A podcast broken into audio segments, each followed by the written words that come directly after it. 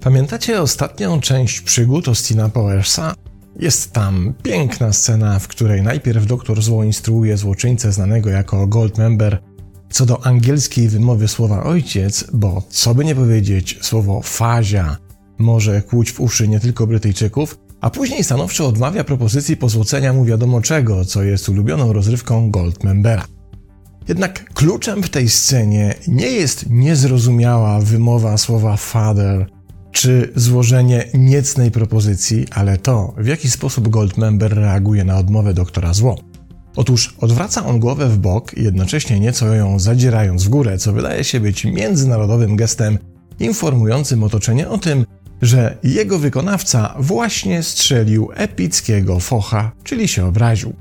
Scena jak scena, jak i cały film, nieco to przygłupawe, ale przecież wciąż śmieszy. Jednak kiedy spróbujemy przyjrzeć się temu bliżej, to dopiero wówczas zaczynamy dostrzegać w obrażaniu się pewną ciekawą właściwość. Mechanizm ten pełni kilka komunikacyjnych funkcji, które przynoszą rodzaj ulgi obrażającemu się delikwentowi, któremu ta technika przychodzi z pomocą, kiedy nie ma pomysłu, jak wyjść z twarzą z mało komfortowej sytuacji. Jedną z takich funkcji jest zamknięcie komunikacji. Oto pojawiają się komunikaty czy sytuacja, z którą sobie delikwent nie jest w stanie poradzić, bo uświadamia sobie, że dalsze brnięcie w temat spowoduje, że będzie się pogrążał coraz bardziej, więc za pomocą obrażenia się zamyka komunikację. Pamiętajmy jednak, że nagłe zamknięcie komunikacji jest również komunikatem, który może oznaczać więcej nie rozmawiamy, bo dopuściłeś się niewybaczalnej zbrodni, która mnie zapiekła do żywego. Czyli to ta sama zagrywka jak tekst, no nie, w ten sposób nie będziemy ze sobą rozmawiać który, jak świadczy, długi i szeroki ucina dyskusję w momencie, w którym ucinającemu właśnie zabrakło argumentów. Kolejną funkcją jest irracjonalność zamknięcia komunikacji. To, co nas szokuje, kiedy ktoś obraża się z niezrozumiałych dla nas powodów, dla tej osoby pełni bardzo istotną rolę, a im bardziej wydaje się to irracjonalne, tym czasem lepiej. Dzieje się tak, ponieważ zaczynamy się wówczas zastanawiać, czy nie powiedzieliśmy czegoś zupełnie nieświadomi, że mogło to być obraźliwe. I ten właśnie akt naszego zastanawiania się służy obrażonemu, by de facto przenosić naszą koncentrację z argumentacji i merytorycznego nurtu na poszukiwanie w naszej wypowiedzi powodów do tego, czy ktoś miał się o co obrazić, czy też nie.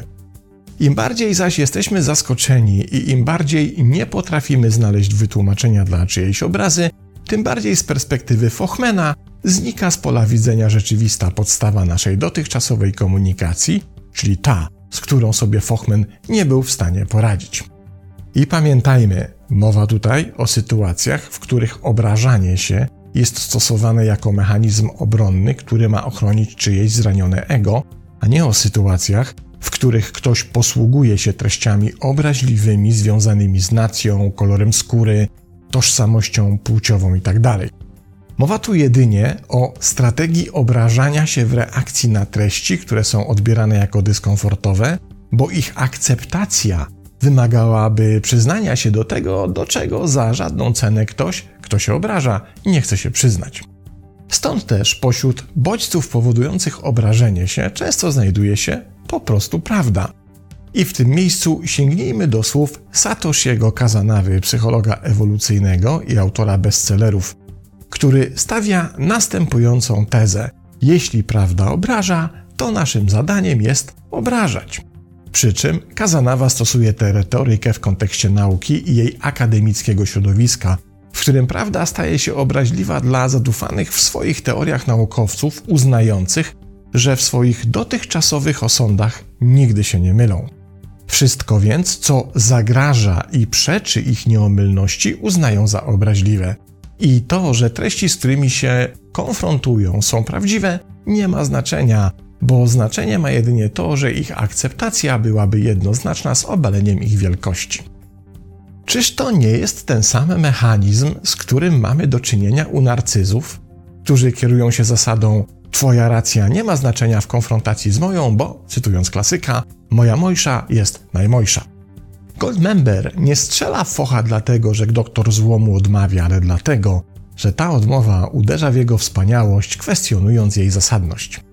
Kazanawa mówi wprost, że dzisiejsza ocena wniosków naukowych na wielu uczelniach pomija to, czy są one prawdziwe, a koncentruje się na tym, czy są obraźliwe. Uznanie ich za obraźliwe chroni więc ego tych, którzy zbudowali siebie na kwestionowanych właśnie przesłankach, a prawda ma tutaj najmniejsze znaczenie. Ten sam model obserwujemy w mechanice obrażania się, tyle, że tutaj idzie to odrobinę dalej, bo obrażenie się stało się wypracowaną strategią w sytuacjach, w których dla danego delikwenta staje się jasne, że nie da się już utrzymać własnej wersji wobec wersji prawdziwej. Wtedy właśnie na pomoc przychodzą te dwie wspomniane wcześniej funkcje zamknięcie komunikacji oraz irracjonalność tego aktu. I te wykładnie obrażalstwa potwierdza April Eldemeyer z Instytutu Gottmana, która mówi, że ludzi można podzielić na dwa obozy: tych, którzy się łatwo obrażają, i całą resztę. I nie chodzi tutaj o usprawiedliwienie sytuacji związanych z celowo bolesnymi zachowaniami. Chodzi jedynie o taką cechę, którą Eldemeyer definiuje jako łatwoobrażalność. I tutaj dodajmy, najczęściej z byle powodu. Wśród przyczyn tej cechy badaczka wymienia niezagojone problemy emocjonalne, poczucie zagrożenia honoru, pozycji, przekonań oraz wizerunku i w końcu mentalny nawyk odbierania wszystkiego zbyt osobiście z jednoczesnymi, niskimi umiejętnościami widzenia spraw z perspektywy innej niż własna. Co ciekawe, powyższa lista jest zaskakująco zbieżna z cechami towarzyszącymi narcystycznemu zaburzeniu osobowości. Głównym zaś imperatywem postaw, osądów oraz aktywności takiej osoby jest, podobnie jak u narcyzów, permanentne poczucie niepewności. Według badań przeprowadzonych w 2018 roku przez włoskich psychologów istnieje ważny czynnik, który skutecznie przeciwdziała łatwoobrażalstwu, a jest nim odpowiednio wypoziomowana samoocena. Ludzie, którzy posiadają odpowiednie, i tu posłuszmy się definicją Nataniela Brandena, zdrowe poczucie własnej wartości, nie wykazują tendencji do łatwego obrażania się. I to kolejna wskazówka, że tendencja ta jest ściśle związana z narcyzami, bo jak wiemy, ich poczucie własnej wartości jest jedynie sztucznie napompowanym obrazkiem, którego zadaniem jest mydlenie oczu nie tylko swojemu otoczeniu, ale również samemu sobie.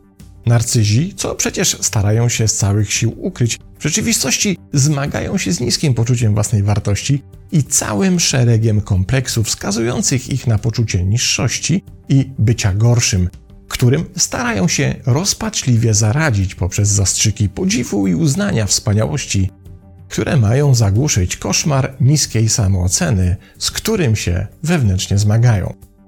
Co więcej, jedną z ich strategii jest projekcja, w którym to mechanizmie wmawiają innym cechy, których nie akceptują w sobie samych i która wyjątkowo często dotyczy właśnie obrażania się. To sytuacja, w której jeden delikwent oskarża drugiego o obrażanie się, bo to dla niego jedyne wytłumaczenie zachowania wobec konkretnych zdarzeń, których sam nie potrafi inaczej obsłużyć. To tak jakbyś usunął ze znajomych na Facebooku jakąś osobę, kierując się wyłącznie tym, by w przyszłości nie musieć oglądać jej nie najwyższych lotów komentarzy, co powoduje, że usunięta osoba tłumaczy sobie, że się na nią obraziłeś, bo to w jej przekonaniu jedyne wyjaśnienie tego, co się stało. Ty tymczasem po prostu nie masz ochoty na promowanie śmieciowych treści na swoim profilu, co z obrażeniem się nie ma nic wspólnego. Jednak ten mechanizm wskazuje, że wraz z tendencją do łatwego obrażania się występuje również tendencja do oskarżeń o obrażanie się wymierzanych w stosunku do innych osób we wszystkich tych wypadkach, w których jak u Goldmembera naruszona została konstrukcja własnej wspaniałości. Jak zatem skorzystać z wiedzy o występowaniu zjawiska łatwoobrażalstwa?